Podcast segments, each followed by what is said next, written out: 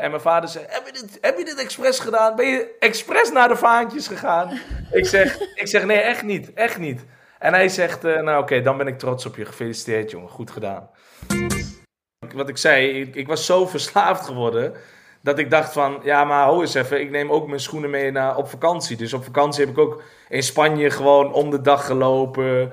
Eh, een keer interval, een keer lange duur lopen. Eh, weet je wel, s ochtends om 8 uur als het al daar al 25 graden is, toch nog eh, bijna twee uur lopen. Ja, dat, is, dat, dat gaf gewoon een kick.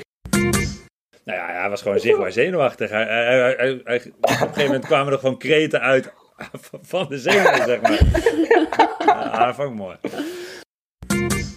Over welke heuvel hebben we het? We hebben het niet... Nee, dit, nee joh, Tankenberg. Zoek maar op, in Oldenzaal. Dat is niks.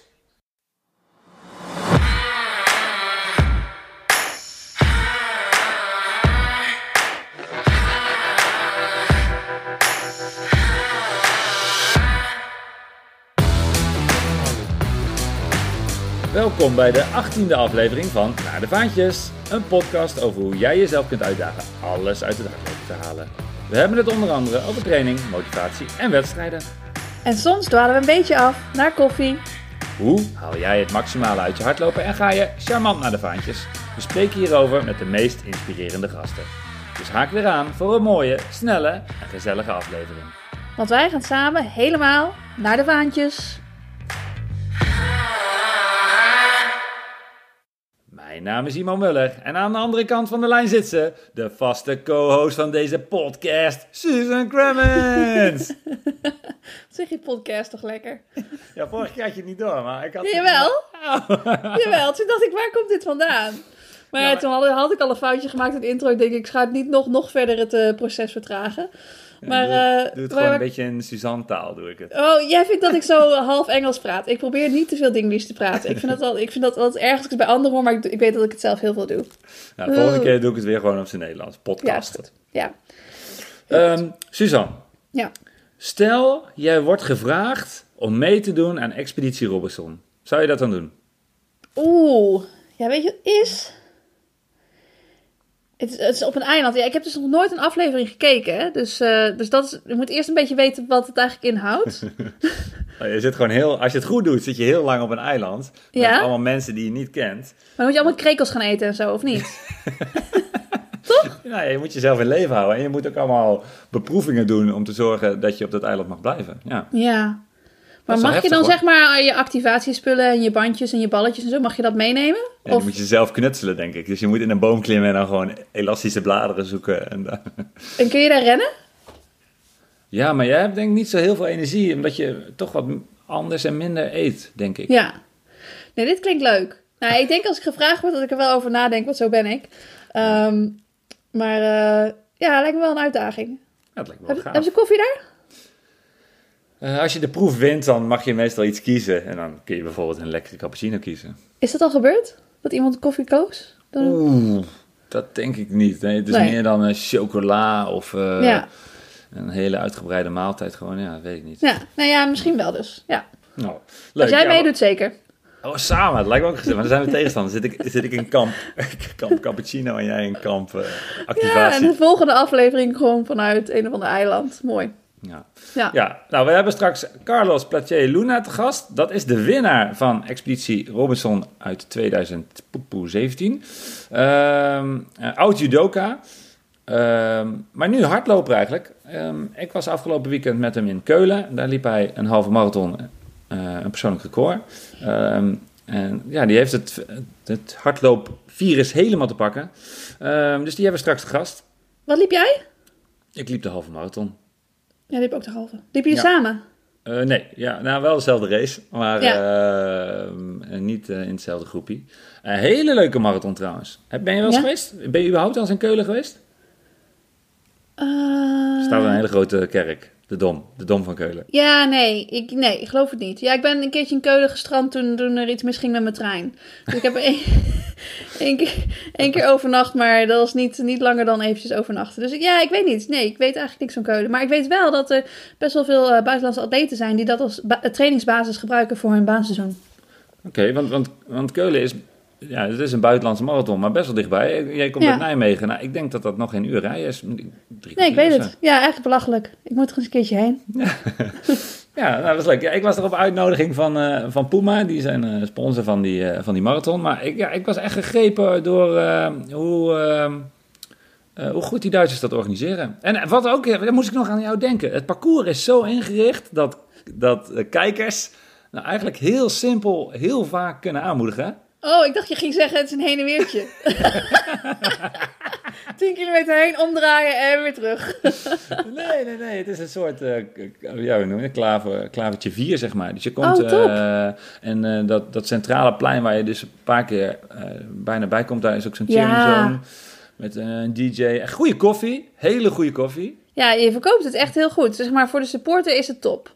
Ja. Ja. het is wel grappig, want ik was afgelopen weekend dus in Riga voor eh, de World Road Championships. ja. En daar was het dus precies anders. Dat je dus niet op, niet, kon je niet op veel punten aanmoedigen. Ik heb ook Oh. geen goede koffie gehad trouwens.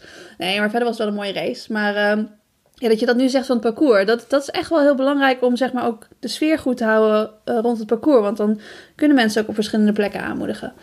Eh, ja, dat was in Riga helaas lastiger. Ja. Nee, Ja. dat is echt wel echt een voordeel. Dus, ja, dan heb je zoveel publiek, zeg maar, die, die je vaak kan aanmoedigen. En ehm, Ja, ja, ook niet zo heel lang wachten. En dan kwamen ze er alweer aan. Ja, dat was echt Ja. leuk. En wat ook leuk was, eh, dat heb ik, eh, is misschien wel vaker gebeurd hoor, maar ik had het zelf nog nooit. eh, de, de laatste 200 meter, dus naast die, naast die dom, zo'n beetje is, die, is de finish. Mhm. Die laatste 100, 200 meter is helemaal een soort van hele brede, grote, lange rode loper. Oh ja? Dat is toch ook wel leuk. Het is een beetje uit het triathlon, toch? Ja, daar zie je het ook wel eens, ja. Ja, Ja. wel eens. Daar, daar hebben ze het er toch echt over. Van dat je dan, nou ja, dan ren je de... Is het de red carpet? Nee, het is een blue carpet of zo, hè? Nee, het is toch van... ik moet het weten. is dat niet van Ironman of zo? Ja, ik weet het niet. Maar volgens mij ze daar ook een mooi tapijtje liggen altijd. Ik vind dat, dat vind ik ook wel een goed idee. Nou, Valencia heeft een, een blauw eh, tapijtje. Daar, daar heb ik wel, eh, Klopt trouwens, ja. ja. ja. toen dacht ik nog dat Frank eh, Futselaar daarover struikelde. Maar hij was gewoon heel hard aan het finishen om onder een tijd te duiken. Nou, erg leuk. Ja, ja, Ja. Nee, hartstikke mooi. Nee, dus Ja. was, eh, was een mooi uitje. Wat ik ook, eh, we gaan straks natuurlijk ook nog over Amsterdam Marathon hebben, want eh, Ja. die komt eraan. Dus ik heb gelijk een tip voor de, voor de organisatie. Of nou ja, nee, eigenlijk voor de voorfietsers en de elite meefietsers. Die, die, daar had je in Keulen ook een heleboel mensen van de organisatie die per groep dan meefietsen. Ja, En die voor de, door de, voor de groep aan het fietsen zijn. En die zwepen echt het publiek op. Dus die, Ah. eh, die fietsen met eh, nou, vaak eh, één hand in de lucht. En hop, hop, hop, schreeuwen. Ja, dat is echt wel leuk. ja, is leuk. Dan hoef je het ja. zelf niet meer te doen. Ja, precies. Dat Doe je normaal zelf natuurlijk. ja, dat scheelt de energie. Ja, hartstikke leuk. Ja. Ja, ehm, ja, dus we gaan straks nog even over Amsterdam hebben. We gaan straks Carlos erbij roepen. Maar we hadden vorige keer ook een nieuw segmentje. Ehm, ja, maar ik moet het eerst nog even over World Road hebben. Oh, sorry. Oh ja. Oh, dan gaan we dat zo. eh, dan, gaan we, dan gaan we het eerst nog eventjes eh, over. Want dat hebben we geleerd. Letland. Riga. Oh ja, Letland, Letland, Ja. ja. Nee, ja, want behalve dat het parcours heel ver uit elkaar lag, was het wel een heel mooi evenement. Want het was dus de eerste keer dat eh, World Athletics, zeg maar, World Road Championships organiseerde. En normaal hadden ze altijd wel een halve marathon. Dat is een WK op de weg, halve ja, marathon. dat bestaat al wel een tijdje. Ja, dat bestaat heel lang en het is om het jaar. En ehm sturen vanuit Nederland nooit zoveel atleten heen. Ehm, maar dit jaar hadden ze dus voor het eerst hadden ze kortere afstanden toegevoegd. En dat was echt wel een hele mooie toevoeging. Want ze hadden dus nu een mijl en ook een eh 5 kilometer. En want vanuit Nederland hadden we maar twee atleten. Maar ja, op zich is het zeg maar wel fijn dat we de eerste editie er wel bij waren. En eh, Marissa, Marissa Damink, die werd tiende op de, op de mijl. Dus die deed echt supergoed. En, En die was ook echt... eh, ja, en die was ook echt twintigste geplaatst en, eh en finishte als tiende. En dat is wel heel mooi om te zien, zeg maar, aan het einde van het seizoen komen heel veel verschillende afstanden eigenlijk bij elkaar. En dan kun je, kun je, die kunnen eigenlijk allemaal een mijl lopen. En ik deed dat zelf eigenlijk ook best wel veel aan het einde van het seizoen. Dus zeg maar vanuit de 10 kilometer naar de mijl. Maar het waren eigenlijk best wel verrassende uitslagen. Dus dat was super mooi. Maar ook, het is wel spectaculair. Ik moet Ja, zeggen dat het echt lijkt iets- me sowieso spectaculair. Want dan is Ja. het allemaal zo dicht op elkaar. En dan. eh, Ja, dus het was, eh, maar, het, maar het was voor mij wel moeilijk om zeg maar, van de start op tijd bij de finish te komen. Maar dat lag ook wel een beetje aan mijn eigen snelheid. Die lag, mijn topsnelheid was niet, niet heel hoog en ik was een beetje aan het snel wandelen. Maar eh, nee, het was echt een super mooi evenement. Dus, eh, en ik weet ook dat er een eh, Europese versie daarvan georganiseerd wordt. Maar we hadden het daar wel over. Van, ja, er zijn eigenlijk heel weinig mijlraces op de weg. En dat is eigenlijk jammer, want in, in Amerika heb je natuurlijk Fifth Avenue Mall. En we hebben het al een keertje eerder gehad over die in Auckland die ik heb gedaan. Die Queen Street Mall, die echt helemaal bergaf gaat. Ja. En, en deze was natuurlijk wel vlak. En dan heb je dus legale tijden. En zijn we het allemaal over nieuwe wereldrecords en nieuwe records. En dat is eigenlijk een beetje onzin. Want nou ja, er is al veel harder gelopen in de afgelopen jaren natuurlijk. Um, en dat is ook niet zo belangrijk. Maar het is gewoon, de afstand zelf is super spectaculair. Dus ik vind eigenlijk dat er ook in Nederland... Moet, ergens moet iemand gewoon een leuke mailrace organiseren. En dan gewoon series, net zoals bij de Fifth Avenue Maal. Dat je eerst begint met de, met de langzamere geplaatste. En dan, en dan langzaamaan sneller, sneller. En dan de laatste serie is dan de topserie. Ik, ik vind dat een top idee. Dat moet je doen. Ja, Ja. dat staat ook op mijn lijstje. Dus, Staat eh, op jouw oh, lijstje? Ja, zeker weten. Maar ik vind wel, van mij hoeft het echt niet op een. Het hoeft niet per se op een vlak parcours. En want ik merk dat ook. In, in New York was dat ook zo. Dat mensen die, die lopen dan een tijd. En ja, je weet dat het een klein beetje bergaf gaat. Maar dan is het toch van ja, ik heb dat gelopen voor de mijl, weet je wel. Dat maakt verder niet uit. Dus, eh, dus nou ja, ik zat ook te denken. Je kunt het ook gewoon in Nijmegen doen. En dan gewoon richting de Waalkade vanuit de grote markt. Super stijl naar beneden. dat is iets te stijl. Ja, kun je ik bijna niet afremmen. Nee, maar er zijn volgens mij best wel veel plekken in Nederland waar je dat, waar je dat mooi zou kunnen doen in de start. Dus eh, iemand moet dat even oppakken. Dat is, eh, dat was trouwens niet mijn, eh, niet mijn negative split. Oké. We, hebben het, eh, we hebben een naam voor het Oh! segment, hè? Ja, we ik hebben een naam wil- voor het segment. Ik wou hem helemaal inleiden, want we hadden, een oproep, we hadden een oproep gedaan voor namen. En ik wilde eerst wat leuke namen noemen, maar die het niet zijn geworden. En dan ga jij bekendmaken wat hem wel wordt. Sorry, ik heb het weer helemaal... Moet, dit moet eruit. Eh, ja, dat maakt niet uit. Nee, we hadden natuurlijk zelf wel even zeikende Suus gezegd. Er kwam ja, maar nee, ja, ik zei het nooit verder, dus dat Nee, is gek, nee, dus dat is, natuurlijk. eh, de klaagmuur, mopperen met Muller, klagen met Crummins. Maar nou ja, vertel het maar. Het wordt. Ja, toch de negative split. Ja. Maar ik vind negative split vind ik ook mooi, want het, het klinkt natuurlijk negatief, maar eigenlijk is het positief, hè? Negative split is eigenlijk positief. Opbouwende ik ook- kritiek. Opbouwende Ja, kritiek. Ja, precies. Nee, maar als je een negative split loopt in een race, dan ben je natuurlijk blij. Dus eh, eh, nee, ik vind het goed. Dit wordt een negative split. Ehm, heb jij een negative split voor vandaag? Poeh, ja, nou, ik, ja, ik heb wel iets. Dat heb ik niet eh, helemaal zelf verzonnen, maar ik, had, ik, had, eh, ik, las, ik las ergens de inschrijfkosten voor, nou, in dit geval de Marathon van Rotterdam, door de jaren heen. Daar schrok ik wel van. Want, eh, Ja, die zijn heel erg omhoog gegaan, zeker. holy moly, ja, er zullen ook de kosten wel wat hoger geworden zijn. Maar ik weet niet wat de inflatiecijfers tegenwoordig zijn. Maar dit was wel, ja, volgens mij is dat in, eh, in een jaar of tien verdubbeld. Dus dat is wel echt eh. Ja. Nu moet ik wel zeggen dat de Nederlandse marathons ten opzichte van marathons in het buitenland relatief goedkoop zijn. Ja, Maar eh, ja, een beetje afhankelijk van hoe snel je je inschrijft. Maar ben je wat later met inschrijven is het eh, tegenwoordig 120 euro. En dat is wel, eh, 120. ja, ja, fors. Oeh, dat is, dat is inderdaad best wel, best wel veel. Ja, is het dan ook dat je een langere afstand dat je dan meer betaalt? Omdat er meer hekken neergezet moeten worden of zo? Oh ja, nee, er is al veel werk. Ik bedoel, eh, ja, vrijwilligers moeten langer staan. Je, Ja. je, je drinkt op een, eh, op een marathon wat meer dan op een 10 kilometer. Dus dat dat ja, wat hoger is, snap ik wel. Maar eh, ja, het is wel... Ja. Het gaat omhoog. Ja, het zijn, het zijn ook wel, ja, het zijn commerciële organisaties. En dat is wel, bijvoorbeeld met, volgens mij Zevenheuvelloop is, in- is in jaren echt heel weinig veranderd. En het is natuurlijk ook een stichting, dus ik denk ook wel dat daar ook wel een verschil in zit. Maar ehm, ja, dat is natuurlijk wel, eh, nou ja, voor sommige, voor sommige mensen zal het een kleine drempel zijn. Maar ja, als het in het buitenland ook duur is, ja, dan eh, als je een marathon loopt, dan heb je waarschijnlijk ook al je carbonschoentjes gekocht. Ja, daar komen toch wel wat kosten bij. Het is nog steeds niet zo duur als fietsen, denk ik. Haha, nee. Nou ja, ik moet inderdaad mijn mond houden. Mijn racefiets is een stukje dierder dan eh, deelname aan een marathon. Nee. Nee, precies. Nee, En dus rennen is wel mooi, dus het is de investering wel waard, toch? Had jij ook nog iets voor de negative split? Ja, negative split. Oh ja, nou ik ben, ik ben eigenlijk niet zo negatief deze week. Hè? Nee, ik dacht alleen maar, ja, ik zei al eerder over die mailrace dat, we dat, dat er zoiets georganiseerd moet worden in Nederland. En dat het eigenlijk wel zo is natuurlijk. Dat, eh, ja, jij hebt het ook altijd over de marathon. En iedereen is altijd zo over, over die lange afstand. Maar die kortere afstanden die zijn ook mooi. En het hoeft niet per se de mail te zijn. Maar dit was eigenlijk niet eens voor mijn negative split. Maar ik dacht opeens van, hé, hey, dat is wel... eh, dat is wel iets wat van mij organisaties mogen doen. Die mogen wat meer korte races, ook de 5 kilometer bijvoorbeeld organiseren. Dus dat ze dat een beetje toevoegen aan, aan de langere races. Maar eigenlijk had ik bedacht deze week, toen er nieuws eh, naar buiten kwam over een, eh, een wedstrijd in India, dat ik het daarover wilde hebben. En ik weet niet of jij dat gezien hebt, Oh. maar ehm, er was dus een, eh, een, een, een of andere state meet in New Delhi, geloof ik. En nou ja, daar deden heel veel atleten mee. Alleen toen kwamen de drugtesters, die kwamen naar die meet toe en toen werd dat bekend. En opeens vielen er op het laatste moment heel veel 100 meter lopers uit de race en stond er maar eentje aan de start. Omdat ze dachten, we willen niet getest worden. Dus dat was natuurlijk al heel gek. Vervolgens was er een steeplechase race waar iemand won en die dacht, ja, straks word ik nog getest. Dus ik ren gewoon meteen naar de finish door. Ik ren gewoon meteen door naar huis. Dus die is naar de finish gewoon meteen doorgerend. en blijkbaar kwamen er allemaal atleten geen medailles ophalen. Want ze dachten, ja, als ik naar de medailleceremonie kom, dan word ik dadelijk alsnog gevraagd om getest te worden. dacht ik, ja, dat is natuurlijk niet zo mooi. Toen kwamen er nog beelden naar buiten van een of andere badkamer in het stadion. Ja, die heb ik gezien. Waar Ja, allemaal, gezien. allemaal naalden en dingen lagen van, nou ja, weet ik veel wat. Maar dat was ook met EPO en dat soort dingen. Ehm, dus ik dacht eerst, daar ga ik het even over hebben, hoe belachelijk dat eigenlijk is. Dat er dan atleten zijn die misschien in een ander land zo, nou, met dat soort dingen wegkomen. Uiteindelijk kom je er met het toernooi natuurlijk ook niet mee weg. Eh, en dat er gewoon een heel groot verschil zit tussen verschillende landen, hoe vaak atleten getest worden, ook out of competition. Maar achteraf bleek ook gewoon, en dat hoorde ik dus ook in Riga van mensen, die hadden het natuurlijk ook allemaal over. Ja, die beelden die waren ook nep, dit was fake news. Oh. Ehm, ja, weet je, je kunt, dat soort beelden kun je natuurlijk ook in scène zetten. Maar goed, over het algemeen, waar ik dan wel even over wil zeuren, ook al zijn die beelden nep, is dat natuurlijk, er wordt wel heel geheimzinnig altijd gedaan over, over eh, dopingtesten en zo.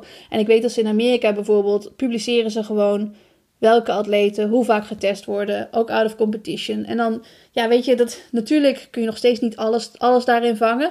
Maar dat ja, is wel goed om te weten dat bepaalde atleten ook gewoon goed getest worden, weet je wel. Dus dat is, ja, als ze daar zo geheimzinnig over doen als, als, als atleten testen ontlopen, dat, ja, dat vind ik toch wel een heel slecht teken. Dus, eh, dus mijn negative split is een beetje over dat er gewoon wat meer transparency mag zijn in, eh, in de hele dopingtesterij. Ja, en meer. Gewoon meer.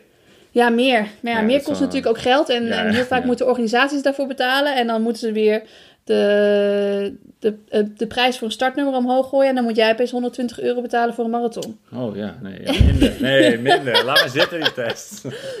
Dus we willen wel allemaal meer. Nee, natuurlijk is meer is, is wel goed. En eh, ik vind ook dat als, als iemand dan uiteindelijk gepakt wordt, dan moet dat ook groot gepubliceerd worden. En niet even een klein, klein tweetje van, oh ja, die, die is gepakt en nu schuiven we er allemaal medailles door en weet ik wat allemaal. Weet je, ja, ik vind wel dat, dat, ja, dat er iets, iets duidelijker over gecommuniceerd mag worden. Omdat het, eh, ja, helaas is het, is, het, is het ook onderdeel van de sport. Maar ehm, ja, hopelijk kunnen we wat meer eh, dat proberen uit te roeien. Ja, In ieder geval, die beelden waren shocking, maar blijkbaar nep. Oh ja, dat wist ik niet het laatste. Ik zag die beelden wel en ik dacht wel, eh, god, god, hoe kan dat man? Eh, maar goed, ja, Ja. Niet, elk, niet in elk land is het hetzelfde georganiseerd. het gaat de goede kant op. Hoe meer... Wel hilarisch. wel hilarisch. En omdat het een negative split is die eigenlijk positief is. Ik vind het wel hilarisch dat iemand een steeplechase race loopt en dan gewoon doorsprint. ja, hoe, hoe ziet dat eruit? En je zou als daar nou beelden van waren, dat is toch mooi. Heb je dat wel eens gedaan? Dat je na een race gewoon meteen door... Ja, niet, voor, niet, niet vanwege dopingtest, maar misschien omdat je daarna nog een training had of zo. Heb je dat? Oh nee, dat zou je natuurlijk nooit doen. Nee, nou, ik heb wel eens heel erg haast gehad na een wedstrijd dat ik weg moest. Maar dan eh, eh, ja, moet je gewoon vaart maken en dat ziet er lollig uit. Want je bent Maar je moest weg omdat je naar de wc moest of zo? Nee, Of nee, wat? ik moest dan gewoon, ik had een andere afspraak of zo. Oh, serieus? Ja, nee, ja, zo? maar niet vaak, maar dat ik toch wel eens. om dat tien uur gewoon- even een marathon en om, om, om, twaalf uur had je nog een, eh, een meeting. Dit jaar, Rotterdam Marathon, toen moest ik daarna gelijk door naar Boston. En dat was best wel een krap schema. Oh ja, dat is zeker Maar krap. het komt ja. je wedstrijd niet te goede. Dus mijn advies, lieve luisteraars, plan, Nee. plan de rest van de dag na een marathon gewoon lekker niks. Ja, inderdaad. Sta je met een verhoogde hartslag aan de start. Jezus. Ja. Ja. Oké, ehm, ik stel voor dat we eh, Carlos erbij gaan roepen. Mhm. Ehm, en dat we dan na Carlos nog eventjes over Amsterdam Marathon hebben. ja, lijkt me een goed idee. Oké dan, Komt kom ie. er maar bij. Carlos, goedemorgen. Welkom in de show. Goedemorgen, dankjewel. Hey, we gaan het zo hebben over jouw eh, hardloopcarrière, maar ik heb jou net geïntroduceerd als de winnaar van Expeditie Robinson uit 2017. Ja. Onder andere, onder andere. Mag dat nog? Word je nog vaak zo geïntroduceerd of is dat wel een beetje passé? Ehm, dat is direct een leuke vraag. Eh, ik denk dat ik wel altijd nog zo geïntroduceerd word, omdat ik zeg maar, ja, dat is gewoon het, het hoogste wat ik, eh, wat ik heb gehaald, zeg maar, op prestatiegebied. Dus ja, dat is dan wel het ding van dat mensen je nog herkennen en dat, dat is super interessant, want ja, bijna niemand, het is nu het, eh, volgens mij het 23ste seizoen of zo, dat betekent dat er maar 23 winnaars zijn. En als je er eentje van bent, ja, dat is dan natuurlijk wel speciaal. Ehm, alleen ik denk wel dat ik nu met de dingen die ik doe. eh, dus nou, eh, bijvoorbeeld het hardlopen samen met Puma. Of het padellen samen met Tuyo, dat dat wel, dat komt niet meer alleen omdat ik expeditie heb gedaan. Eh, want dat is inmiddels al zes jaar geleden. Word je dan wel eens gek omdat dat je daarover gevraagd wordt, dat je het daarover moet Eh, hebben? Dat je zoiets hebt van, ja, nou heb ik het alweer genoeg over gehad. Ja, eh, leuke vragen direct hoor. Want eh, ja, dat, dat, dat gebeurt wel altijd. Alleen, ja, ik snap het ook wel. Kijk, ik, Ja. ik heb wel het standaard verhaaltje. En eh, meestal heeft iedereen wel dezelfde vragen. Ehm, zo van, oh, hoeveel ben je dan afgevallen? Ja, 13 kilo. Alleen, Ja. het is altijd positief. Dus dat maakt het voor mij ook minder eh, irritant om het er weer over Ja. te hebben. Ik heb een vraag voor je trouwens daarover, want ik, ik, ik, ik, ik heb nog nooit eh Expeditie Robinson Nee. gekeken en ik stelde wat stomme vragen aan Imo. Ik Ja. dacht wel dat deze nog nooit gesteld is. Oh, Dan nou, moet ik hem toch even maar. stellen. Ja, had je nou ook koffie? Op Nee, nee, nee, nee, nee, nee, nee, nee. Ja, dat is een, is een redelijk stomme vraag. Want nee, dat, eh, nee, dat, eh, nee, dat was echt, eh, dat mocht niet. Ik zit nu wel een koffietje te drinken en die heb ik ook echt heel erg gemist. Eh, Maar je kreeg, je kreeg alleen water, dus eh, water hoefden we niet zelf eh, te... Maar als je te- een proef wint, dan mag je toch soms wel iets kiezen wat je wint, of niet? Ja, als je proeven wint, dan, ja, dan is het, nou ja, kiezen niet echt. Zij kiezen voor je. Maar ik heb bijvoorbeeld wel een keer een eh, hele grote schaal met eh, groenten, weet je wel, die daar moeilijkst te, te vinden zijn. Eh, wortels, eh, paprika's, dat soort dingen. Dus die, eh, dat was wel echt heel lekker. Maar koffie, nee, dat... eh, en dat in die, in die Filipijnen was het, dat, daar wordt ook niet echt koffie gedronken of zo. Dus dat heb ik Oh, pas weer in Nederland gedaan. En dan toch nog één andere vraag. Ja, ik weet, Ja. Imo, je hebt een Ja, nee, scriptje, maar niet. Nee, eh, ik, ga, ik fiets er gewoon even lekker tussendoor. Ja. En eh, ja, ik weet ook niet of je toen al rende, daar moeten we nog eventjes eh, wat dieper op Nee. ingaan. Maar, maar Ja. kon, kon je daar ook een beetje hardlopen? Ja, dat is ook een stomme vraag. Dat is, nee, dat is een betere vraag. Oh. Dat is een betere vraag. Want, want stel, ik had de energie gehad om te gaan lopen, had ik dat, Ja. Dan, ja, dan heb je echt daar wel echt hele vette, gewoon van die routes door zo'n bos. En dan kom je ergens uit eh, boven op een berg met een prachtig uitzicht, weet je wel. Ja, dat had ik zeker gedaan. Alleen, ja, met weinig eten, eh, weinig slaap, eh, heb je gewoon geen energie. Zo simpel is het. Nee, oké. Oké. Ja. Ja, Want- sorry Imo. Die mag Ja, want is dat dan het allerzwaarst? Zeg maar, het, het, Ehm. het weinig, dat je weinig eet? Nou, we hadden het net al even over die koffie, zeg maar. Dus, dus ik ben echt wel koffieverslaafd. Ehm, na twee dagen, drie dagen ben je daar al wel aan gewend. Eh, Dat is hetzelfde voor de suikers. Ik eet echt heel veel suiker. Ehm, ja, daar ben je gewoon na twee, drie dagen aan gewend. Alleen, dus de energie kun je managen. Alleen op een gegeven moment wordt je gewoon de verveling. Ja, dat is gewoon, die is extreem. Want 24 uur in zo'n dag is echt heel lang. En helemaal met mensen die je, tuurlijk, je, je krijgt wel een bepaald so- soort band. Maar ja, op een gegeven moment eh, is dat ook wel klaar. Heb je het ook wel gehoord? ja. ik bedoel, iemand Daarom- zeggen. Ja, zeg maar. Ja, daarom zit het, zei ik tegen Imo, want Imo had het over als ik er ooit voor gevraagd zou worden of ik het zou doen. En toen vroeg ik meteen van ja, kun je er koffie drinken en kun je er een beetje rennen? En toen zei hij ook al van waarschijnlijk heb je er geen energie voor. Maar Nee. zei ik ja, ik zou, het, ik zou er wel over nadenken. En eh, als we allebei erin gaan, Imo en ik, dan zou ik het doen. Want dan Ja, precies. kunnen we Dan heb je een maatje. gewoon kletsen. Ja, ja, maar dat is wel echt zo. Dat is, dat is wel echt zo hoor. Ik had ook een Ja. maatje op het begin. En dan, dan is het leuk. Dan is het, weet je, dan kun je een beetje, eh, een beetje met elkaar eh, levelen. Alleen, ja, als dat allemaal wegvalt en het wordt echt een strijd. En je blijft met vijf mensen over die je eigenlijk helemaal niet mag. Ja, dan Ja. wordt het wel zwaar. Ja, Ja, want jij zegt eh, verslaafd aan eh, koffie, verslaafd aan suiker, maar Ja. ook wel verslaafd aan sport. Ik tenminste ook. Als Ja. ik dan een paar dagen niet sport, word ik, Ja. dat vind ik ook nou, vervelend. Eh, mis je dat niet? Ehm, ik moet zeggen, ik hoor een hele harde... ja Imo, Imo Ja. Ben je, heb je, is de tuinmander of zo? De tuinman is er. Zul je net hebben, hè? het doen. Hoezo? Weet de buurt niet dat het podcasttijd is? Ja. ja, heb je dat niet even doorge... Heb je dat niet even rond eh, geflyerd? Kijk even gewoon heel, in de show, stil allemaal. Ja, ja, ja. ja. kijk gewoon even heel agressief uit het raam. Dat is opgelost. En zo. Stop.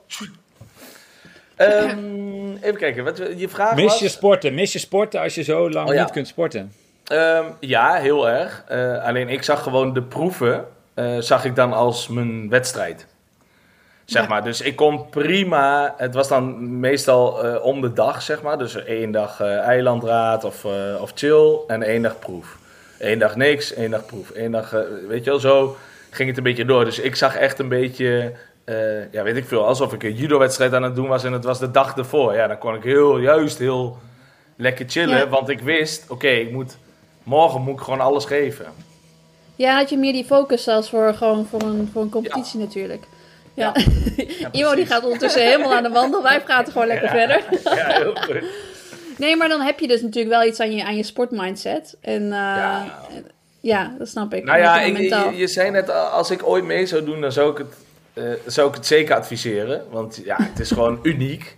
Ehm, en wat het mooie is, als sporter heb je gewoon een voordeel dat je heel lang kun je, eh, ondanks dat je dus weinig energie krijgt, kun je het toch ergens vandaan halen. Ja. Snap wat ik bedoel? We moesten wel Ja. eens, ehm, eh, ik weet nog echt goed, dan was iemand van de productie, moesten we naar eh, de biecht lopen. Nou, dat was dan echt wel een stuk.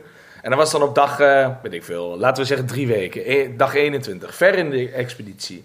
En ik liep gewoon achter haar aan, op haarzelfde tempo, et cetera. En zij zei, oh ja, ja, je ziet wel dat jij nog fit bent, want eh, iedereen struimelt echt heel sloom achter me aan. Eh, en jij loopt nog mee. En dat hadden ze dan ook met wielrenners gehad. En met Ja. ja, andere topsporters die gewoon... Ja, je kan dat gewoon ergens vandaan halen, die, die Ja. energie. ja, je moet er gewoon fit in gaan uiteindelijk. Ja. Ja, ja zeker, Ja. ja. Hey, we gaan het zo meteen over, eh, over hardlopen hebben en, en stiekem ook nog wel even over judo. Eh, Ja. Maar nog, ik heb nog één vraag, of eigenlijk twee vragen over de expeditie. Want We wilden het je er zei- niet over hebben, dus we vragen er Nee, gewoon ja, heel veel. ja, precies. Ja. Jij zei al even 21 dagen, want, want hoe lang heb je op het eiland gezeten en, en wat win je uiteindelijk? Eh, eh, ik heb 33 dagen op het eiland gezeten. Ehm, en, en dat is wel grappig, want ik deed mee als onbekende eh, Nederlander. Eh, en de vier onbekende Nederlanders kregen niks om mee te doen. De BN'ers kregen, dus er waren 16 BN'ers, kregen allemaal al 10.000 euro startgeld, überhaupt. Dus ik had gewoon niks tot die finale. En dan na, na zoveel afleveringen krijg je ook nog per aflevering een bonus. Ik weet niet precies hoeveel dat was.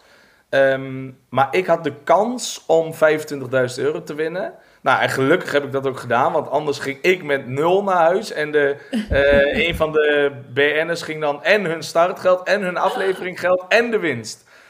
Ja. Dus eh, ja, ik heb eh, 25k gewonnen, ja. Maar daar gaat heel veel af, hè, in eh, belasting, eh et cetera. Dus 17 Ja. eh, overgehouden. Maar heb je, ben je wel lekker op vakantie geweest als je niks had gewonnen. Maar je hebt natuurlijk Ja. ook de eer en, en dat iedereen Ja. je gewoon de rest van je leven vraagt Ja. van hoe was dat eigenlijk? Ja, ja, en dat ik nu bij jullie in de podcast mag verschijnen, dat is... eh, dat, dat nee, maar dat is- komt door je hardlopen. Dat Ja, komt door je ja, oh ja, hardlopen. ja. Ja, je hardloop, want ehm, Ja. even kijken, twee dagen geleden heb jij een halve marathon gelopen in Keulen. Ja, Ehm, in, een, in, een, in een tijd die, eh, die je zelf volgens mij niet voor mogelijk had gehouden. nee. Ehm, eerst even, hoe voelen de kuitjes en de bovenbenen en... Ja, Nou, ik weet nog goed dat jij zei, eh, ah, en spierpijn, want we, waren er samen. Eh, en dat ik zei, ah, mijn kuit en hamstring echt zoveel pijn, bovenbenen voel ik niet. Nou, gisteren, ik, ik ging de trap af, jongen, mijn bovenbenen. En nu is juist wat, alles wat ik voel, zijn mijn bovenbenen. Mijn hamstrings bijna niet meer, mijn kuiten gaat goed. Maar mijn bovenbenen ineens gewoon, ja, ik weet Ja. niet. eh, Dat Echt, betekent eh, wel dat je, je ja. schoenen hadden waarschijnlijk wel goede demping. Als je, als je kuiten eh, oké zijn, dan, Ja. dan, dan hebben je schoenen goede demping gehad. Maar ja, je, je bovenbenen, Ja. die heb je wel nodig om zo'n lange afstand te lopen natuurlijk. Ja. ja, ja, preprecies. Ja, nee, ja, jullie zijn daar de specialisten over, dus... Ja. Ja, dat, dat, dat, dat neem ik dan maar aan. ja. Maar eh, eh, ja, ik weet niet, eh, misschien kent Imo dit verhaal, ik weet het dus niet. Maar je, je was eerst eh, judoka en, eh, en, en nu ga je hardlopen. Heb je altijd al gelopen of, of wanneer ben je daar eigenlijk mee Ehm, begonnen? nou, mijn, mijn vader is een eh, echte hardloper. Die was eh, vanuit vroeger uit al echt eh, triathlons en hardlopen. En die, die kon ook serieus gewoon, eh, gewoon hardlopen. Niet de tijden die jullie lopen hoor, maar wel echt eh, een paar minuutjes eh, slomen. Dus echt voor, ja... Regionaal eh, kwam die altijd wel eventjes eh, op het podium in zijn categorie, et cetera. Dus gewoon hard. Alleen, ja, ik ging vroeger wel eens mee. Alleen, ik vond judo gewoon veel leuker. Ja. Ehm, dus eigenlijk vanaf mijn zesde tot, eh, tot mijn 23ste heb ik gejudo'd. Ehm, en wel eens af en toe dat mijn vader nou zei in de weekenden, want ik was zelf echt intrinsiek gemotiveerd dat ik gewoon de top wilde halen. Dat hij zei, nou weet je, je hebt nu je judo-trainingen gehad, nu is het tijd om eh, even bij ons eh, achter zo'n heuvel, kom we gaan tien keer die heuvel op. Weet je wel, en dan was dan voor hem, Ja. deed hij gewoon een intervaltraining. En dan zei hij gewoon tegen mij, oké, tien keer op en neer, huppakee. Weet En je hoe wel? lang was Dus- die heuvel? Eh, nou, we hebben hem toevallig de laatste training voor Keulen hebben we hem nog gedaan. Wel iets Ja. rustiger, dus was Laatste training voor Keulen. Jezus. Ja, twee, een, week, ja, een week voor Keulen. Dus het was dus, dus niet de laatste training, daarna nog twee rustige Ik vind het gevaarlijk. welke- Mijn atleten mogen dit niet hoor. Niet? Nee, Over welke heuvel hebben we het? We hebben het niet... eh, nee, nee joh, Tankenberg. Zoek maar op, in Oldenzaal, dat is niks. Oh, kom Oké. je uit de buurt van Oldenzaal, joh? Dat had ik helemaal niet Ja, eh, ik, gehoord. ik kom uit Oldenzaal, ja, klopt. Oké. Oh, ja, hoezo? Maar gaat het Is, is er al een eh, segmentje op de Tankenberg? Dat weet ik eigenlijk niet helemaal niet. Dat is een goede Zit je- vraag. Zit je op Strava of niet? Ja, jawel, maar ik, eh, ik probeer Oh, moet je naar je- mogelijk eh, Die gaan we naar jou vernoemen. Ja, ja, ja, ja, ja, ja, is goed. De volgende keer als ik in Oldenzaal ben, ga ik hem doen. Oké, maar sorry, ik eh, dwaal af. Hoe lang, was die, hoe lang was die heuvel? Ik was gewoon even benieuwd hoe- Eh, hoeveel volume ja, ik- je aan heuvelraps doet. Ja, dus ik heb die, dat was, eh, eh, weet ik veel, van begin tot einde. Nu, dus die week voor Keulen, ehm, heb ik hem, wat was het, één minuut of zo? Iets langer? Iets Ja. anderhalf minuut of zo, denk ik. Zoiets. Oh ja, is flink. En dan anderhalf minuut en dan, tot het, en, dan heel, en dan heel rustig gewoon weer terug naar beneden. Echt naar de voet, zeg maar. En dan weer Ja. En dat dan Ja, het, als klein ventje echt vaak gedaan. ja. Maar als, als judoka, zeg maar, zo in de jaren dat jij eh, heel veel trainde, dan, daar komt eigenlijk geen hardlopen bij kijken, of wel? Ja, alleen, alleen kort. Ja. en hoe alleen kort is kort? interval. Oh, Ja, alleen in- interval. Ja, alleen Ja. interval. Echt. Eh, we hebben wel eens met de judo, echt in de laatste jaren, eh, dat ik in Heerenveen judode, eh, had die trainer ineens eh, iets gezien van een topatletieke gozer. En die zei dan, ah, oké, die doet eh, 400 meter in zoveel seconden of weet ik veel. En dan moesten wij er echt 10 seconden boven gaan zitten, als judoka's. Oh, met zo'n Ja, ongetraind. helemaal gek. Echt helemaal gek. Maar Ja. je ziet dat wel heel veel, dat zeg maar eh, sporters die dan meer uit een explosieve sport komen, dat ze inderdaad, als ze dan gaan lopen, dat het eigenlijk allemaal hard is en interval, maar dat Ja. je niet zo snel bijvoorbeeld een duurloopje doet. Nee. Wanneer heb je dan Nee, voor het eerste keer dat je gewoon een rustig duurloopje hebt gedaan? Nou, ik heb wel, wel eens moeten afvallen voor de judo. Je hebt natuurlijk gewichtsklasses Mhm. in de judo. Dat ik, dat ik dacht van, oké, eh, dat mijn vader zei... ja, als je nu gewoon een, een uur heel rustig gaat lopen... dan word je niet moe, want ik was natuurlijk wel fit... Eh, maar dan Ja. val- je wel gewoon een kilo af. Ja, en dan doe je dan. En dan maar dan mag je niks drinken. Dan mag je daarna niks Vuilniszak aan eten, of niet? Eh, nee, zover hoefde ik niet te gaan, gelukkig. Eh, maar dat doen Ja. mensen ook. Dat doen, dat doen judoka's ook, jazeker. Ja. Ja. Maar zie je, jij komt wel eens op Pa- toch? ja, ja, zeker. Ja, daar daar werk ik, zitten dus nu- we komen vaak. want daar zitten nu ook de judoka's. Ja, klopt. Die zit in de, een nieuwe, ja, nieuwe Ja, hal, zie jij ze niet... ehm, ja, klopt. Maar zie jij ze niet regelmatig ook op de baan rennen? Eh, niet op de tijden waarop wij trainen, nee. Dus dat is. Eh, Ja, maar nee, ik zal eens, op, zal eens opletten. Want, maar misschien doen ze dat ook wel binnen. Hè? Ik kan me voorstellen als je wil afvallen dat je het misschien juist op een loopband doet. Ja, precies. Alleen ik, heb, ik, heb, ik volg natuurlijk een paar aantal judoka's. En ik zag, eh, dat is al wel een tijdje terug, hoor, maar zag ik ze dat ze op die baan eh, rondjes gingen rennen. Oké, Ehm, maar ik zal eens vragen wat dan hun training is. ja. ja leuk. Ja, ja, nou, dus, dus al, al een beetje aangestoken door je vader vroeger.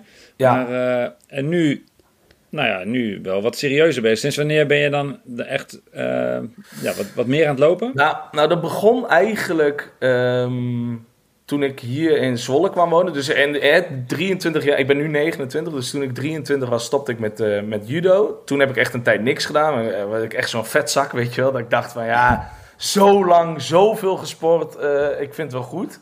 Eh, nou, toen van alles gedaan, powerlift, eh padellen, noem het allemaal maar op. Maar toen ik eh, twee jaar geleden in eh, Zwolle kwam wonen, toen zag ik dat hier een eh, halve marathon was, een eh stadsmarathon. Ja. Ja, echt een, echt, en een leuke. En toen dacht ik, ja, dat is wel gaaf als ik daar, eh, weet je wel, even serieus voor ga trainen. En dan heb ik weer een nieuw doel. Nou, Ja. dus toen, toen ben ik gaan trainen. eh, en toen wilde was ik voor al... schema? Eh, ja, Johan Pluim, die kent Imo ook. Die, die, ehm, die eh, had mij ooit... Ik ben ambassadeur van de Cruyff Foundation. En eh, die had mij bij een 14K-run, waar ik dan aanwezig was als ambassadeur, had hij mij gezien. Dus hij had mij een bericht van, hey, wil je niet... dat- Toen dacht ik, hey, verdomd, over drie maanden of over twee maanden is die, is die halve marathon. Ja. Misschien wel slim om in contact te komen. Dus hij heeft toen een schema voor me geschreven. Nou, heb ik me in alle eerlijkheid niet helemaal aangehouden. Hoezo dacht- niet? Ja, omdat ik dacht, ja, is te kan ik veel. wel. Ja, ik kan ik wel. En Weet je, ik ben, ik ben toch sportief en ik heb een basisconditie. Een beetje arrogant gewoon. Uh, maar nou ja, ja, ik vind ik nog even interessant. Welke trainingen Ja. deed je dan wel en niet? Koos je dan gewoon alleen maar de intervaltrainingen eruit? Dat je dacht, Ja. die lange duurlopen, daar heb ik geen tijd ja, voor. ja, dat ik Ja. dacht, ja, wat, hoezo zou ik nu 90 minuten eh, rustig aan moeten rennen? Dat vinden mensen heel moeilijk. Dat heb ik echt maar één keer gedaan. Dat ik dacht van ja, boeien, dat ga ik echt niet doen. Ehm, Maar ja, dat is wel wat je... Imo zei het eh, laatst, of toevallig eh eergisteren nog tegen me. Eh, hardlopen is hartstikke eerlijk. Als je alles wat je erin stopt, krijg je er ook terug. Dus ik liep en ik liep en ik wilde onder de 1.30 en ik liep 1.30, 38. Dus Ja, ja, dat is ja. gewoon... Ja, dat is wel netjes, maar dat is niet onder de 1.30. Nee, nee, maar je zat er wel heel dichtbij. En, toen, en dan had je in ja. je hoofd, ging er wel eens klikken van, had ik nou maar die 90 minuten duurloopjes gedaan? Nou, precies dat. Ja, echt. Ja. Precies dat. Dus toen, toen dacht ik, ah shit, weet je wel, eh, nou ja, balen. Maar toen ben ik echt weer helemaal gestopt met hardlopen. Eigenlijk best wel dom, omdat ik, ja, padellen vond ik ook heel leuk. Dus ging ik weer helemaal eh, in de padel. Daar kun je ook op mijn Strava zien, dat je zo'n piek hebt. En dan zak ik gewoon weer helemaal eh, naar beneden. En toen kwam Puma voor eh, dit jaar, april, eh, zes weken voor de marathon eh, van Rotterdam. Zes Kwamen weken ze- voor de marathon. Ja, Vind ik Zes ambitieus. weken. Ja, dat was ambitieus. Dus toen kwamen ze van: oké, wil je samenwerken? We hebben een nieuwe schoen, dit en dat, zus en zo. Nou, dus die deal was rond. En toen ging ik Rotterdam lopen. Toen wilde ik onder de 330. Toen liep ik 323. Nee, maar hé, wacht, hé, wacht even. Ja. Nee, nee, nee, nee, nee, nee, nee. Ja, Dit, dit is tegen de regels in. Je kunt niet van nul opbouwen in zes weken naar een marathon. ah, toch gedaan. we moeten even, een, even een disclaimer voor onze luisteraars. Ja, ja, dat, heel dat, goed. dit, dat dit niet slim is. Maar Nee. hoe, nee. en hoe, hoe, hoe heb je toen getraind? Want, ik, ik- ja, want je moet, als, je, als je van nul komt, moet je eerst je Ja. lichaam moet wennen aan de impact. En dan Ja. heb, heb je lange duurlopen gedaan. Hoe heb je dat gedaan? Nou, dat was wel mooi, want toen nou, belde ik weer Johan op. En toen zei ik: eh, Yo, Johan. Nu ga ik wel luisteren. Eh, nu, ga, ja, nu doe ik wel echt alles. Hij zo, ja, oké, begin dan maar met 25. Maar wel wetende dat ik een basisconditie heb. Want je terecht, Ja. die disclaimer. Je, niet iedereen kan zomaar 25 kilometer rennen nu ineens. Nou, dat deed, dat deed ik toen. Toen dacht ik wel, oh, dit is zwaar. Maar toen dacht ik ook van, oké, nu ga ik wel serieus eigenlijk even padel aan de kant. Alles andere sporten aan de kant. Ik zit ook wel eens in een krachthonk. Allemaal niet doen. Echt volledig laten, je lichaam laten herstellen en alleen lopen. Ehm, ja, en dat ging eigenlijk zo goed eh, dat ik dus 3,23 liep. En vanaf dat moment, nu ben ik helemaal verkocht. Nu, nu, nu, nu, Verslaafd. zul je, ja, nu zul je geen eh, dalen meer zien. Want toen dacht ik, als je dat dus kan, inderdaad na zes weken met serieus trainen, ja, wat kun je dan doen als je een jaar traint? Ja. Weet je wel? En, en ja, nu heb ik gewoon. eh, toen, nou, toen kwam Puma met Keulen. Daar heb ik echt serieus voor getraind. Alles gewoon tot op de, ja, tot op de minuut, zeg maar, volgemaakt, die trainingen. En dan zie je dus ook dat het resultaat er is. Ja. Eh, Hoe lang was die voorbereiding? Want zeg maar, je, je kunt een heel jaar door Ehm. trainen, maar je- vaak heb je voor een wedstrijd een specifiek blok natuurlijk van een aantal weken. Ja, ja, klopt. Ik had, eh, ik had in, nou ja, ook, ook weer zes weken van tevoren of zo, zeven, acht, misschien zoiets, twee maanden Ja. van tevoren, eh, serieus blok. Eh, maar ja. dan, ik wist dus, wat ik, wat ik zei, ik, ik was zo verslaafd geworden, dat ik dacht van, ja, maar hou eens even, ik neem ook mijn schoenen mee naar, op vakantie. Dus op vakantie heb ik ook in Spanje gewoon om de dag gelopen. eh, een keer interval, een keer lange duur lopen. Weet je wel, s ochtends om 8 uur als het al daar al 25 graden is, toch nog eh, bijna twee uur lopen. Ja, dat, is, dat, dat gaf gewoon een kick. Dus die basis had ik, had, heb ik echt eh, uitgebouwd, zeg maar. Hey, en, eh, en Keulen, halve marathon. De, de tijd is en willen we natuurlijk weten. En, en, en Ja. hoe ging het? Nou ja, ik had dus die, die 1 uur 30, 38 in Zwolle gelopen. Dus ik dacht, ja, nu moet ik wel echt serieus onder de 1,30. Eh, en ik, ja, daar gewoon goed voor getraind. En ik had een keer al een 16 kilometer met 3 kilometer blokjes op, eh, op tempo, zeg maar.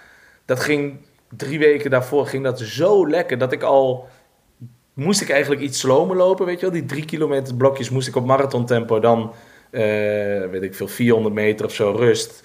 Nou, dan en zo door.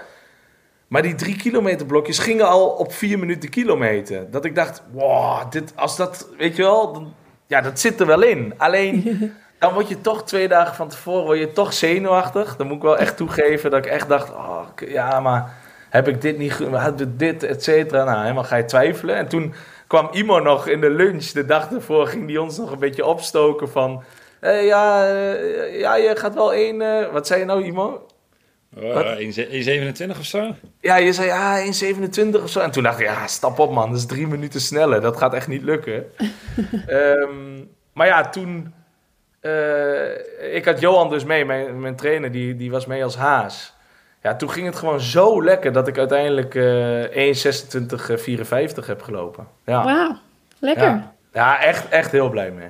Ja, mooi. was lachen, joh. Want ehm, Carlos maakt hardlopers ook wel een beetje belachelijk. Dat wij eh, Ja. zo serieus zijn en dat we de marathon veel te groot maken. Ja, het, is, is ook. ge- het is gewoon 42 kilometer lopen. Als je dat toch weet van tevoren, gewoon lopen. Hoe moeilijk kan het zijn? Kom op. ja, ja. En toen dat laatste half uur voor de start in Keulen, jongen. Hij, Ja? hij deed allemaal dingen. Hij, hij was niet meer zijn stoel, hoor. Nee, Nee, wat gebeurde er? Ja, zeg maar, Imo.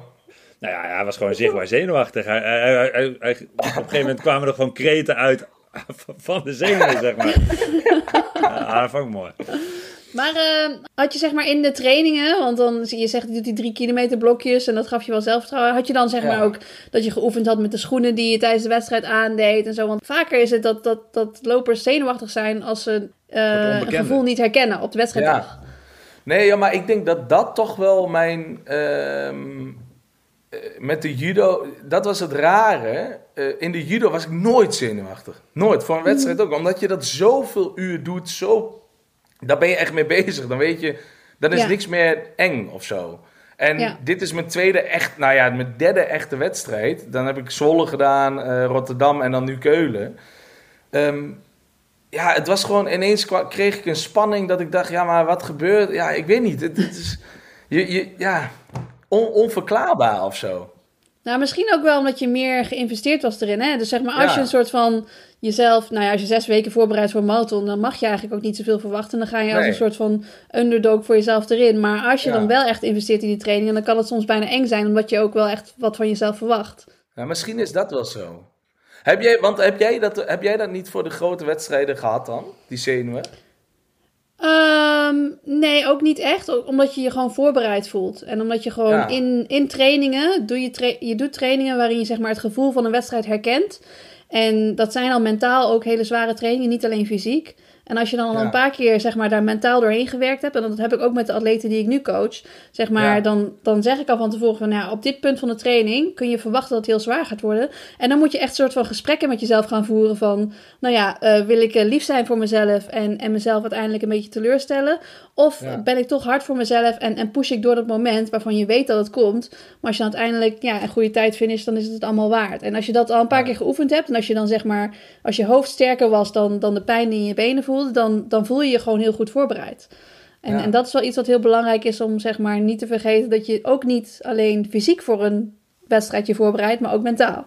Ja. Dus- ja. Ik denk ook Wat- wel wat- dat oh, zenuwen goed zijn hoor. Als je helemaal geen zenuwen hebt, dan presteer je toch ook minder. Ik bedoel, juist door die zenuwen, dat geeft dus aan, oké, ik vind het belangrijk. Ja, Ik precies. ben er klaar voor en eh, ja, het moet je niet tegen gaan zitten. Maar een beetje zenuwen, ja. dat is Ja. ook wel goed. Denk ik ook wel hoor. Alleen, wat zou dan een tip zijn bijvoorbeeld voor... Want ik ben, ja, ik zie mezelf echt nog als beginner, zeg maar. Ik heb nu ja, drie wedstrijdjes gelopen. Wat zou nou een tip... Maar ik ben nu dus wel echt serieus van plan om serieus te gaan lopen. Hè? Ik wil nu die... die Ja. Ik ga niet meer in het dal. Maar wat zou dan een tip zijn eh, voor mij als toch beginner... eh, om het toch goed... Om die zenuwen toch te beperken. Dat je het wel een beetje hebt, Ja. maar... Ja, ik denk wel dat, zeg maar, wat, wat ik dus zei, dat in trainingen, dat je dan al, zeg maar, dat, dat gevoel van in een wedstrijd, dat je dat ook traint. En dat je dus Mhm. ook, zeg maar, langere trainingen doet. Zeg maar, intervaltrainingen zijn leuk, maar als je een, een langer blok doet, waarbij je geen pauze mag nemen en waar je wel tempo Ja. moet blijven lopen, dan Ja. is dat niet alleen fysiek, maar dus ook mentaal zwaar.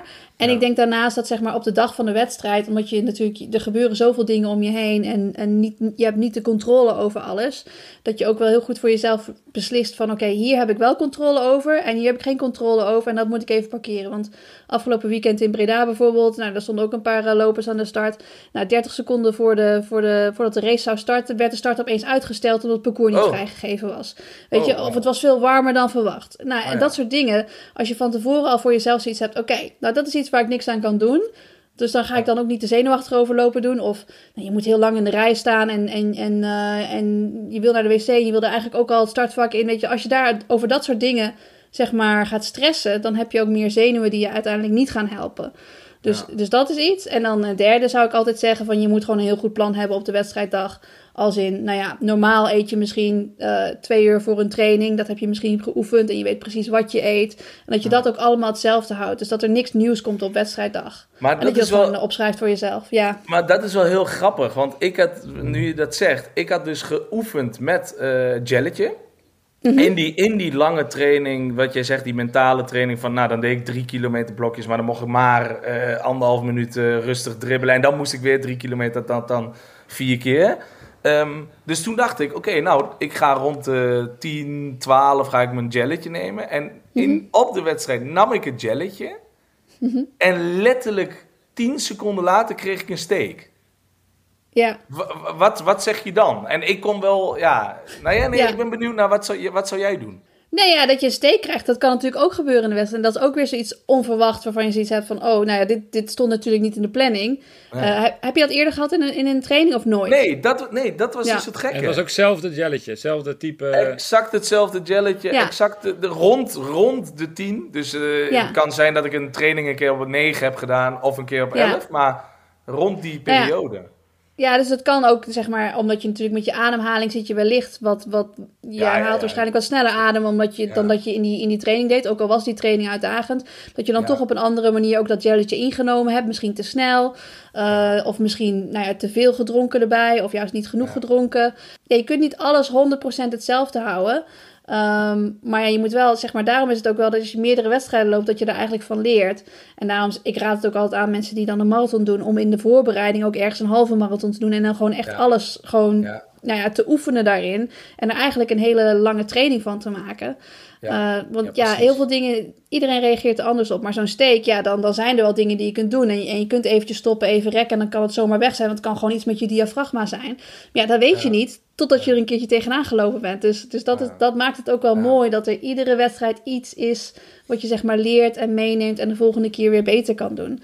Eh, ja, en dat maakt lopen gewoon interessant. Is er, is er, is er, heb je wel eens dan een wedstrijd gehad waar, waar je dat allemaal niet had? Daar ben ik dan wel interessant. de Of, perfecte eh, wedstrijd. De Ja, perfecte wedstrijd. Bestaat die?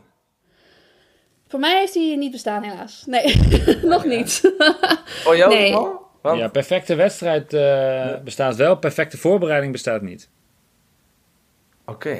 Oh, Oké. Ja, Ja, maar de perfecte dat- voorbereiding bestaat sowieso. Dat Nee, dat nee, dat is absoluut niet. een je- no-go. Je Een moet er wel naar perfecte streven voorbereiding. natuurlijk, maar dat, dat lukt Ja. gewoon niet. Maar perfecte wedstrijd, ja, je hebt er wel een paar... Ja, die echt wel op dat moment dat je eh, echt het al, eh, maximale eruit hebt gehaald. Ja, dat gebeurt niet vaak, maar die bestaan wel. Ja, Oké, ben ik misschien te kritisch. ja. Ja. Ja, misschien weer te kritisch. Hey Carlos, ehm, Nee, ik had nog één vraagje. Sorry, Oh. Imo. Ik had Nee, nog nee, één hij, vraag, hij, want- hij gaat nu ons de vraag stellen. Ja, Dit is nou andersom ja, nu. Nee, maar wel met een, eh, met, eh, met voor, voor persoonlijk gewin. Want Ja. ik wil nu dus, ik wil nu dus ehm, eh, de 10 kilometer gaan lopen. Eh, Mhm. Een hele snelle. Dat, mijn vader, eh, ik facetimede mijn vader en die zei... Ja, eh, nou, mooi gedaan jongen, gefeliciteerd. Eh, over twee weken 10 kilometer. Ik zei, oh, oh, oh, oh, of over drie of zo. Nee, de- ja, de 21, over drie weken. Oké, hij heeft hem al gepland. Ja, ja hij, hij zei al over drie weken. eh, nou, er is toevallig in Zwolle eh, een snelle 10 kilometer. Wat moet ik nu doen? Want ik ben dus, ik ben, ja, ik ben een, eh, Ja. nog steeds een beginner. Wat moet wacht, Ja. even, nu wacht even, wacht even, wacht even. Ja. Want bij jou werkt sowieso heel goed om een doel te stellen. Wat is het familierecord? Wat is het familierecord? Ja, mijn pa heeft hem echt. eh, weet ik Dat niet. kan, een mooie, appen? Kan een mooie motivatie Nee, maar dat, kan, dat, dat, dat ga ik nooit redden. Echt eh, Oh, laag, laag 30. Oh. Echt gewoon hard. Ik ga hem nu appen. papa. Ja. ja, je moet sowieso deze Maar- week moet je, moet je ervoor zorgen dat je wel goed herstelt. Kijk, als het over drie weken is, dan kun je natuurlijk niet meer een heel zwaar blok doen. Maar je moet wel iets doen in dat wedstrijdtempo. Omdat je natuurlijk gewend bent om nu langer, langzamere tempo's te lopen. Maar op zich, Dus- vanuit halve marathon trainen kun je prima een 10 kilometer lopen. dus je hoeft, niet, ja. je hoeft je geen zorgen te maken dat je opeens hele andere trainingen moet gaan doen. Als je gewoon fit bent, ben je fit. Ja, maar dus dat ik nu in mijn padelshirtje zit en dat ik na deze podcast nog even twee uur ga padellen, is niet helemaal verstandig.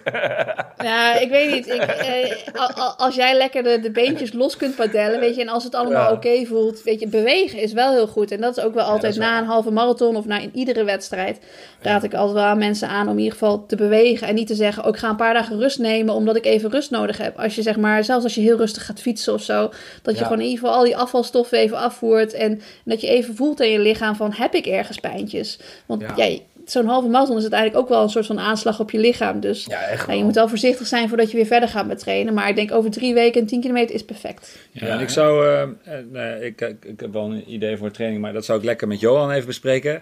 Eh, maar het is ook wel, want ik denk, eh, jouw halve marathon en jouw marathon liep jij op, eh, op gewone schoenen.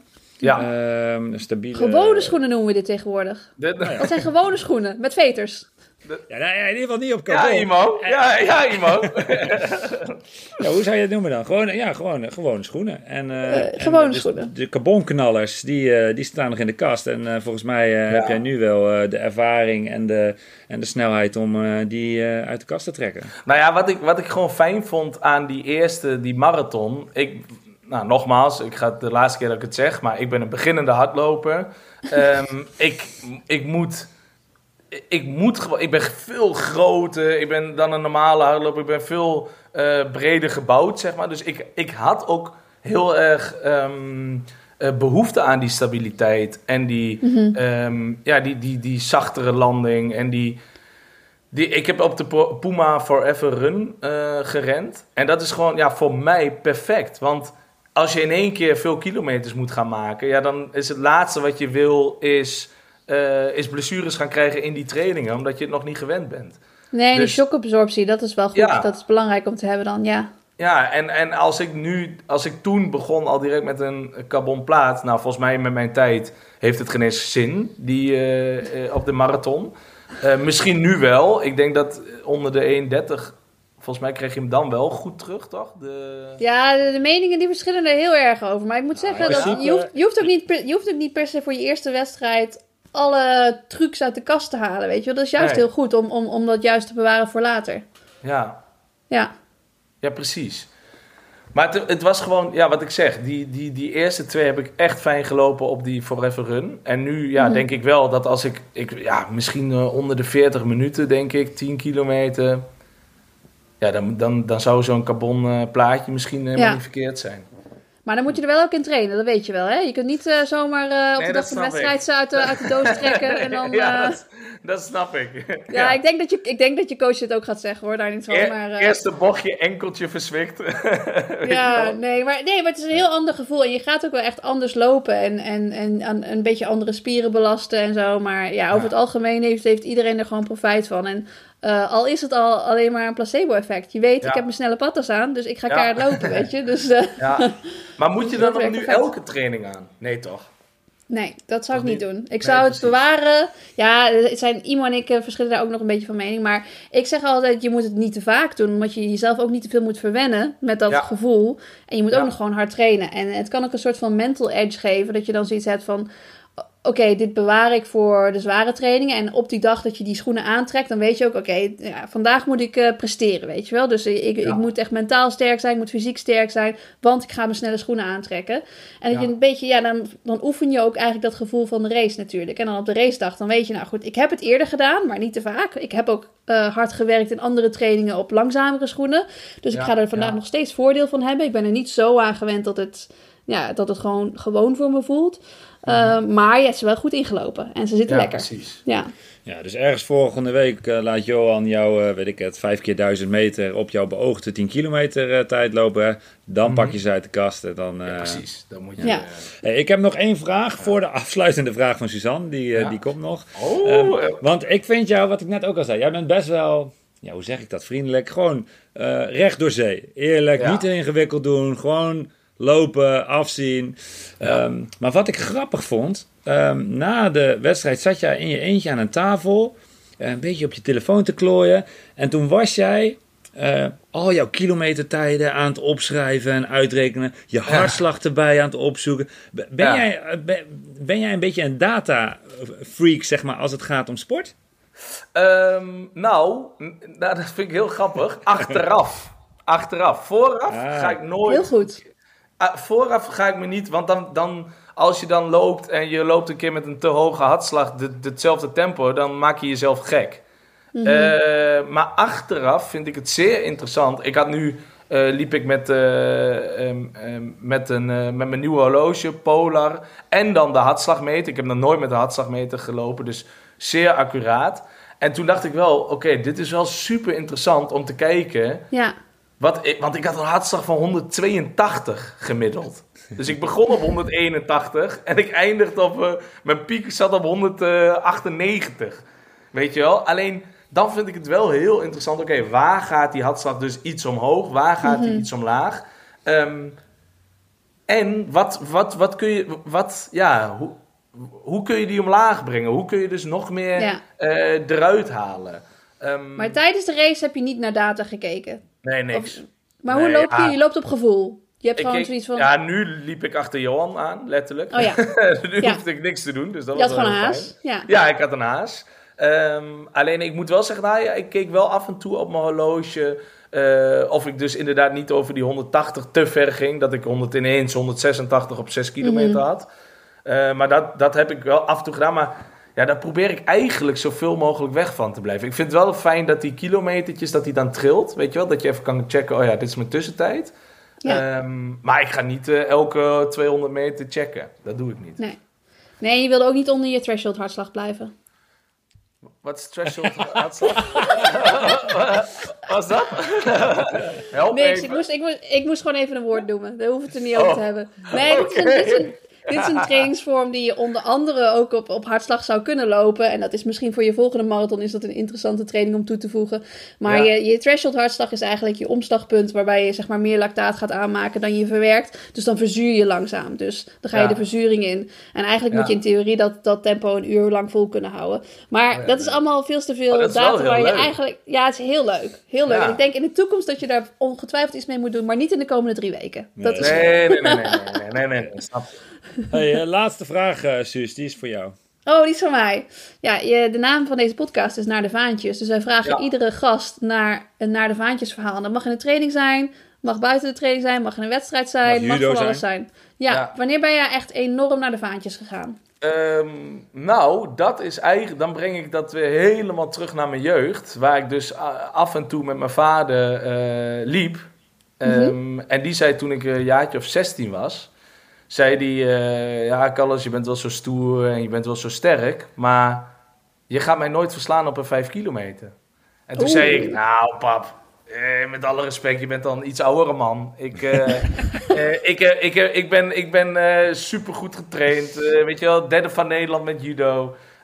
Joh, kom maar op. Hij zegt, oké, maar het enige wat ik wil... is dat je achter me blijft tijdens de race. En pas als ik het zeg, mag je me voorbij.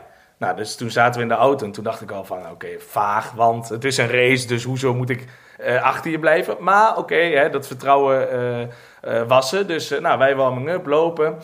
En toen een startschot. Eerste kilometer ging goed. Tweede kilometer ging goed. Derde kilometer dacht ik, of eigenlijk van twee naar drie dacht ik echt, oh, dit is echt, echt heel zwaar. Ja, echt veel te hard, veel te zwaar. Als ik dit nog twee keer of een keer moet, eh, dan, ga ik, dan ga ik naar de vaantjes, letterlijk.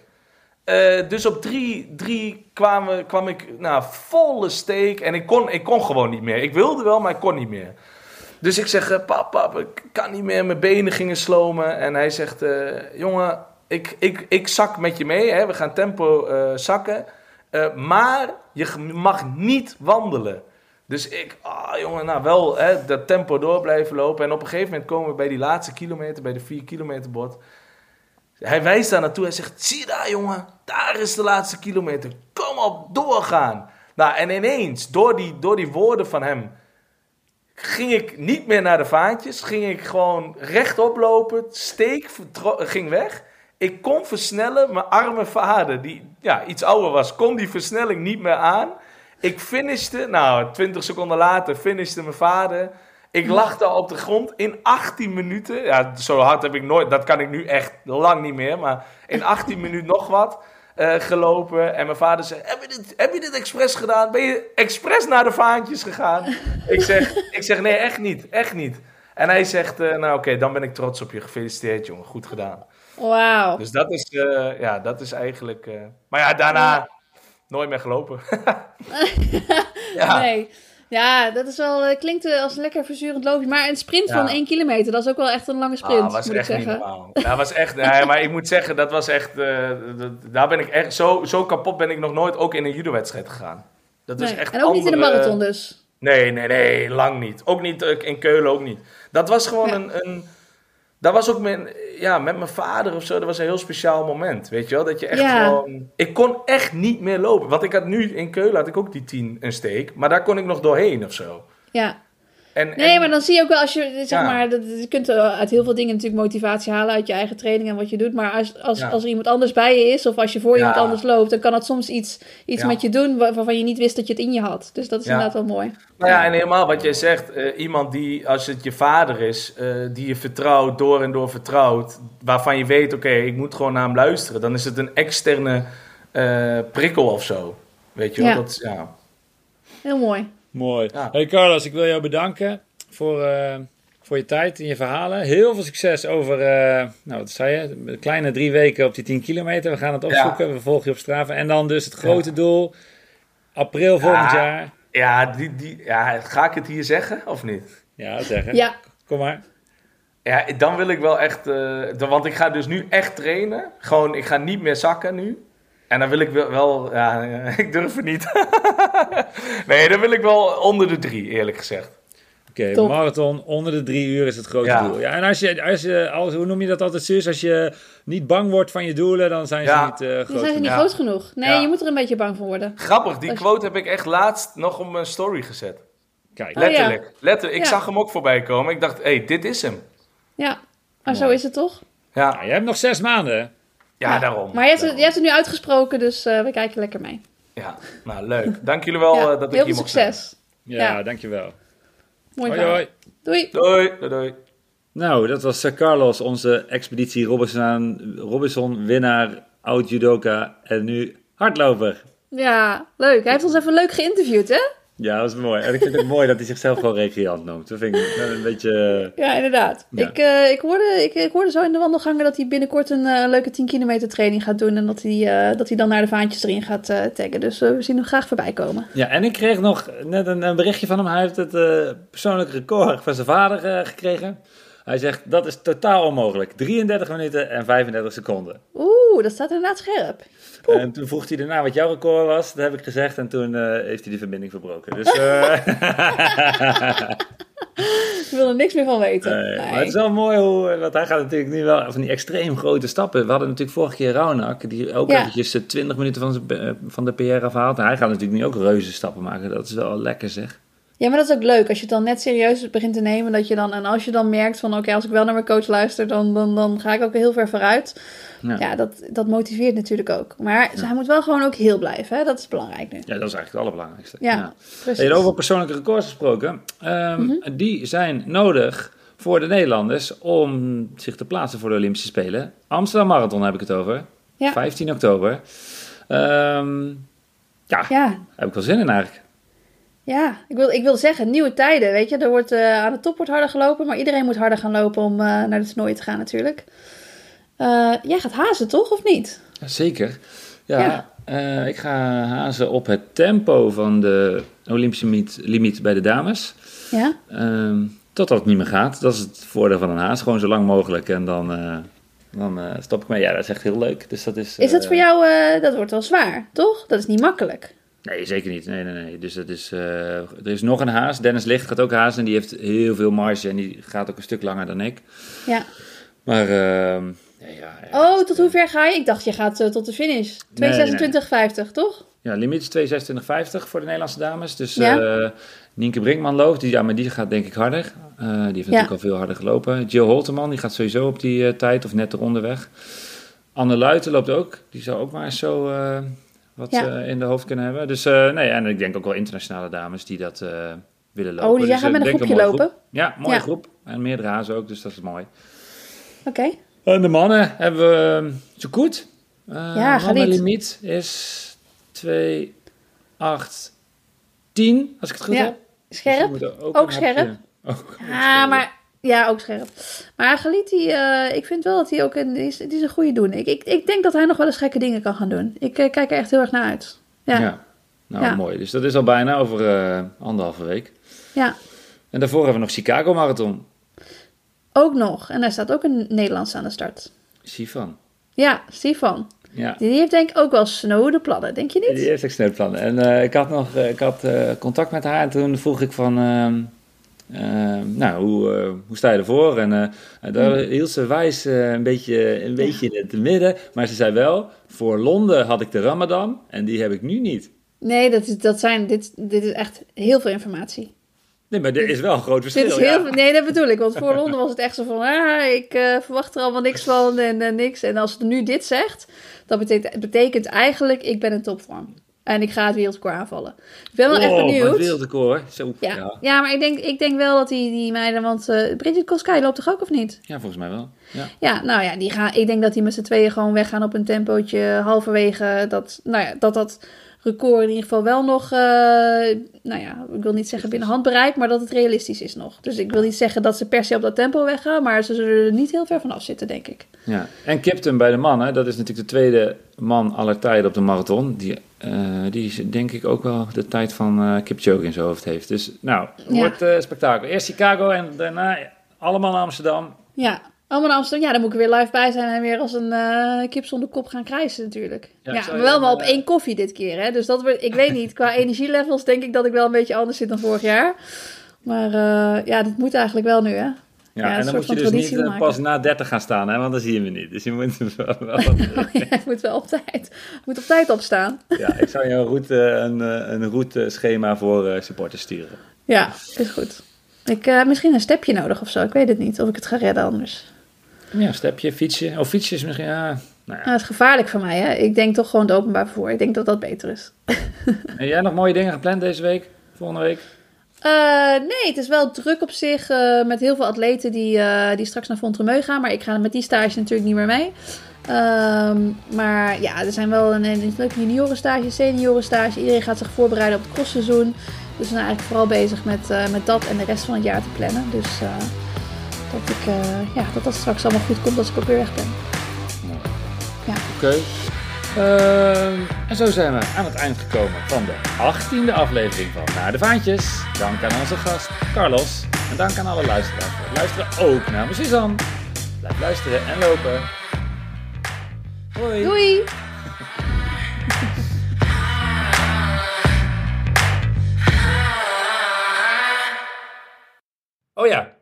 Heb je nou een prachtige Naar de Vaantjes foto van jezelf? Post hem dan met de hashtag Naar de Vaantjes. Ja, of als je nou op social media een foto voorbij ziet komen van iemand waarvan je denkt, nou, die is echt enorm naar de vaantjes gegaan.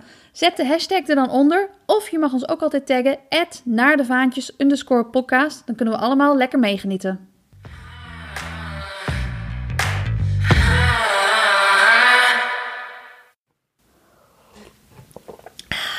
Oeh, lekker. Ja, lekker, lekker. Ja, lekker, lekker, lekker, lekker. Hij is op. Oké. Hij is alweer op. Moet zo een nieuwe halen, jongens. Op hoeveel koffie zit jij nu per dag? Ik probeer het bij één te houden. Ja. Eentje maar. Ja. Oh, vind ik karig. En dat is anders dan toen je niet zwanger was. ja, zeker. Dat was zeg maar twee of drie. Oh, dit is wel een flinke reductie. Ja, ja. Schijnt, schijnt eh, baby beter voor de baby te zijn, hè? Dus dan. eh, Want van, En je bent er wel aan hoor. Want van cafeïne wordt die baby gewoon heel druk. Eh, ja, weet ik eigenlijk niet. Volgens mij heeft het iets met eh ehm, zuurstof eh, toevoer naar de placenta of zo te maken. Ik maak me sowieso zorgen over hoe druk jouw baby wordt, maar dat tezijde. kan, die koff, kan die koffiereductie van je niks aan veranderen. Ehm, ben je er klaar voor? Oké, ja, ik ben er klaar voor. Oké dan. Ja, oh ja, moet ik altijd eigenlijk... Oh, heb je een zakdoekje? Nou, zakdoekje? Ah, denk je dat het eh, emotioneel wordt vandaag? Ja. ik denk het wel, ja, met je emotionele verhalen. Nee, eh, een beetje snotteren, maar goed, uh, dat komt toch goed. Oké.